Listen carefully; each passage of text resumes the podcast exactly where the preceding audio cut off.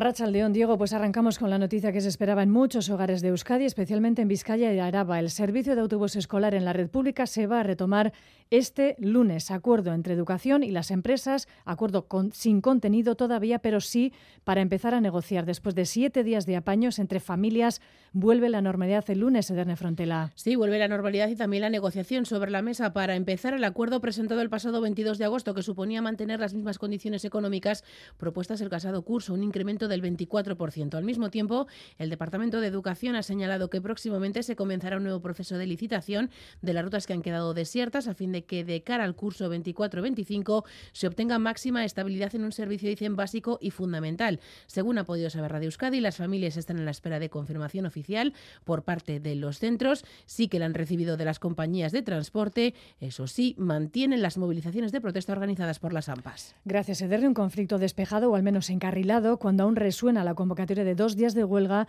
a los que 180.000 trabajadores y trabajadoras públicos están llamados por la mayoría sindical. Solo UGT está al margen. Sin ser preguntada al respecto, la consejera de Salud, Gochones Agardue, que visitaba a quienes se sometían hoy a pruebas de OPE de Osakidecha, lanzaba el siguiente mensaje.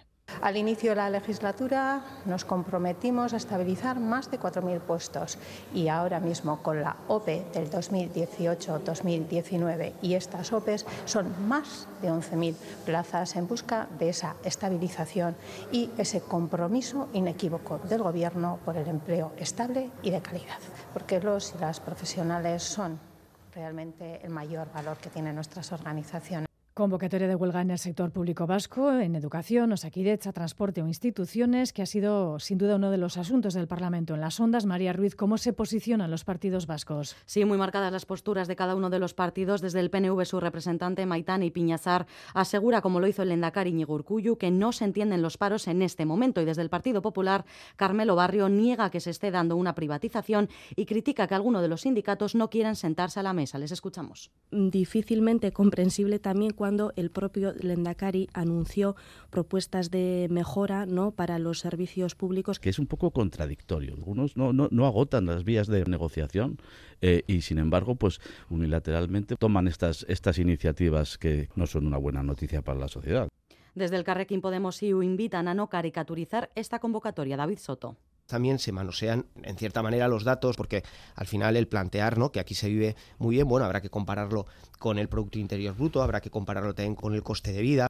Y en el PSE abogan porque las partes se sienten a negociar una obligación, decía su representante Alberto Alonso. Ollana Echevarrieta de EH Bildu insiste en que también es el momento de negociar el llegar a un buen acuerdo es una obligación. Lo que hacemos desde aquí es hacer un llamamiento a las partes, un llamamiento para que se sienten, para que dialoguen, para que busquen un acuerdo. El gobierno puede y debería dejar de hacer lo que ha hecho hasta ahora, que es enfadarse con el movimiento sindical y sentarse, escuchar y negociar. Desde H. Bildu destacan también que esta convocatoria es reflejo del descontento de la sociedad. Y en clave política, en relación a la negociación para la investidura de Pedro Sánchez como el próximo presidente del Gobierno español, el Partido Popular de Euskadi ha criticado la reunión mantenida ayer entre el presidente del PNV, Antonio Ortúzar, y el expresidente catalán y líder de Junts, Carles Puigdemont. Reunión en Bélgica. Dice Iturgaiz que los yelchales buscan que la Constitución se adapte a sus intereses propios. Pero en esa foto también se retratan Puigdemont, el que quiere cargarse a la Constitución española y se retrata también Ortúzar, donde todos sabemos que el Partido Nacionalista Vasco lo que pretende es que la Constitución se adapte a los intereses de los nacionalistas vascos en contra de la igualdad de todos los españoles. Y desde Cataluña, precisamente, Junts saca pecho con los acuerdos lingüísticos en el Congreso y también en la Eurocámara que se materializarán este próximo martes. El respeto al catalán también será una piedra de toque. Miriam Nogueras.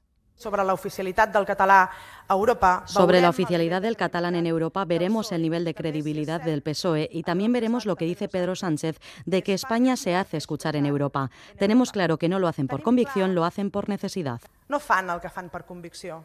Ufan fan per La una y 52 minutos de la tarde, continuamos en página internacional. Les contamos que siguen llegando las barcazas al islote siciliano de Lampedusa a 15 kilómetros escasos de Túnez. En los últimos días, en torno a 10.000 personas han sido allí trasladadas provenientes de diferentes rescates o de otros lugares donde previamente habían llegado de manera irregular. Hoy, desgraciadamente, ha habido un fallecimiento. Una mujer ha dado a luz a bordo de una de esas embarcaciones a un bebé que no ha podido resistir. Anira Zabal, desde Lampedusa, Rachaldeón. A Rachaldeón, un recién nacido ha sido encontrado sin vida en una de las pateras que ha llegado esta mañana aquí a Lampedusa. Su madre ha dado a luz durante el viaje, pero el bebé no ha podido sobrevivir, posiblemente a causa de una hipotermia. La mujer, hecha polvo, ha sido trasladada al ambulatorio de la isla. Unos 200 migrantes han desembarcado en las últimas horas, entre ellos hay dos mujeres embarazadas de nueve meses. La llegada de barcazas no cesa, aunque con menos intensidad que en los últimos días, y lo que ofrecen las autoridades no da para todos. Es imposible saber cuántos migrantes quedan en esta pequeña isla del Mediterráneo porque el gobierno está trasladando a miles de ellos a tierra firme. Pero los habitantes de Lampedusa se han movilizado para ofrecer su ayuda. Carmelo Rizzo es el párroco de la isla. Tutti i dell'isola portano poi tanti portano panifici, pane. Los restauradores traen comida, los panaderos reparten pan, hacemos lo que podemos, nos explica el párroco. Una vez más, la sociedad civil llena el vacío gubernamental. Pues Italia ha pedido en repetidas ocasiones ayuda a Europa. Los servicios sociales italianos están desbordados. Pues bien, la presidenta de la Comisión Europea, Ursula von der Leyen, va a visitar mañana la isla eh, siciliana convertida, como decimos, en un megacentro de recepción de personas migrantes. Y en casa esta mañana protesta de Onguietorri y refugiatuak en la playa vizcaína de Ereaga, en Guecho. Denuncian las constantes violaciones de derechos humanos que sufren, dicen, quienes tienen que emigrar, cual sea el motivo. Subrayan que nadie deja su hogar por capricho. Piden por ello a una Unión Europea una política de fronteras abiertas y que se establezcan vías seguras para la migración. Emma Landín, Onguietorri refugiatuak. Y no solo la mar es una fosa común. En nuestro propio territorio fronterizo, el río Viadasoa se ha cobrado la vida de personas en su intento de llegar a Francia. Y nosotras pedimos al gobierno vasco que también exprese con firmeza las mismas exigencias al Estado del que forma parte. No nos cansaremos de gritar. Migrar es un derecho, no un delito. Más asuntos de la jornada. La compañía Heiskibel ha calificado de gratificante el alarde de este año, tanto por el número, el aumento de participantes, alrededor de mil personas, como el apoyo que han recibido tanto por los ondarribitarras a su paso como por las autoridades este año. Recordemos que los componentes de la compañía Heiskibel han sido recibidos oficialmente por primera vez por el alcalde de Ondarribi y la diputada general de Guipúzcoa. Sin embargo, Heiskibel denuncia la existencia aún de actitudes sexistas y excluyentes que es necesario desterrar, dicen, de una vez por todas. Con este fin, piden a las instituciones que impulsen una mesa de negociación Ollana Echevarrieta, miembro de Jaizkibel. Solicitamos al alcalde que ponga en marcha una mesa de negociación antes de diciembre. Si algún agente no quiere sentarse en dicha mesa, el resto empezaremos a dar forma al proceso para solucionar esta situación. Y lo habrán visto muchos de ustedes en las calles de nuestras eh, ciudades y nuestros pueblos. Desde hoy y hasta el próximo viernes se celebra en Europa la Semana de la Movilidad. Siete días para reflexionar, para hacernos reflexionar sobre cómo nos movemos. Vamos a ver en nuestros pueblos campañas para no coger el coche y utilizar más el transporte público, la bicicleta o simplemente desplazarnos a pie el que pueda. Iniciativas muy variadas en nuestros pueblos y ciudades. Lier Puente ha estado en la Gran Vía de Bilbao cerrada al tráfico ordinario, hoy llena de vehículos electrificados. Autobuses, coches, motos, patinetes, bicicletas, todos eléctricos han tomado la Gran Vía de Bilbao.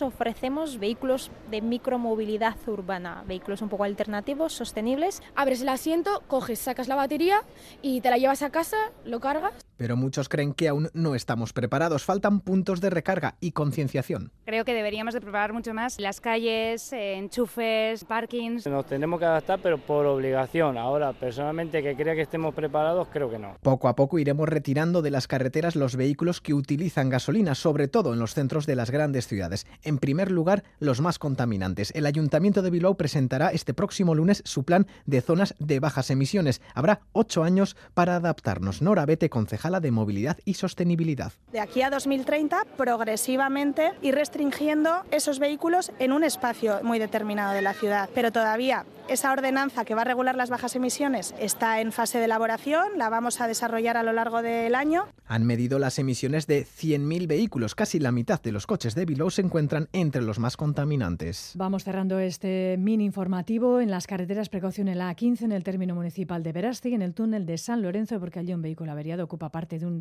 carril sentido Donostia. La Archancha está regulando el tráfico. Y el Departamento de Seguridad ha prolongado durante el fin de semana el aviso amarillo ante la previsión de que se produzcan temperaturas altas persistentes. Nos adelanta el pronóstico Egusquiñe Turrioz. A León durante la tarde, viento del sur, nubosidad variable con más nubes de evolución y se pueden producir algunos chubascos dispersos que podrían ser de carácter tormentoso. Sin embargo, en muchos sitios no lloverá. La noche será templada en la mitad norte porque seguiremos con viento del sur y de cara a mañana pocos cambios. Habrá algo más de nubosidad, seguiremos con viento del sur y se pueden producir algunos chubascos dispersos que podrían ser de carácter tormentoso. En cuanto a las temperaturas, tendremos valores similares.